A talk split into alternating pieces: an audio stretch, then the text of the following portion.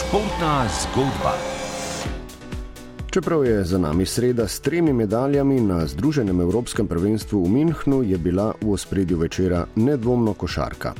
Polne stožice, tudi tako uglednih gostov, kot sta eden najboljših teniških igralcev vseh časov Novak Djokovic in predsednik Evropske nogometne zveze Aleksandr Čeferin, so uživali v pripravljalni tekmi Slovenije in Srbije.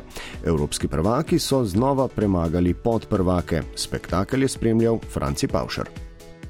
To, kar so si noči spremljali slovenski gledalci v Stožicah, si želijo milijoni ljudi po svetu, a nimajo takšne priložnosti. Namreč, da bi uživo videli košarkarske poteze največjih velemojstrov te igre, Luke Dončiča in Nikole Jokiča, ki sodita med najboljše košarkare tega planeta. Včeraj sta izstopala v Stožicah, od njiju navijači pričakujejo, da bosta vrhunsko odigrala v vsakem trenutku, tudi na prijateljski tekmi. In sta Gledalci so uživali, za nameček pa so si ob svojem navijanju prislužili še bis podaljšek. Za posladek čudovitega košarkarskega večera pa je še zmaga ostala v Stožicah. Vedno je lepo zmagati, še na rekreaciji, kaj šele na prestižni tekmi, polni rivalstva, s košarkari z zmagovalno mentaliteto, ki jih v slabo voljo spravi tudi poraz na prijateljski tekmi.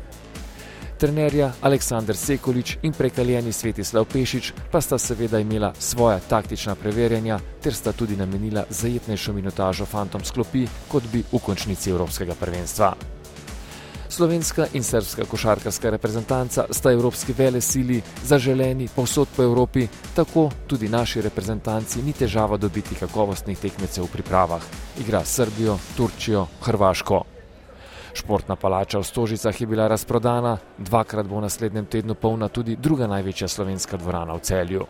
V naslednjih tednih se bosta za pozornost navijačev trudili tako slovenska košarkarska kot tudi odbojkarska reprezentanca, pa ne le slovenski, tudi evropske.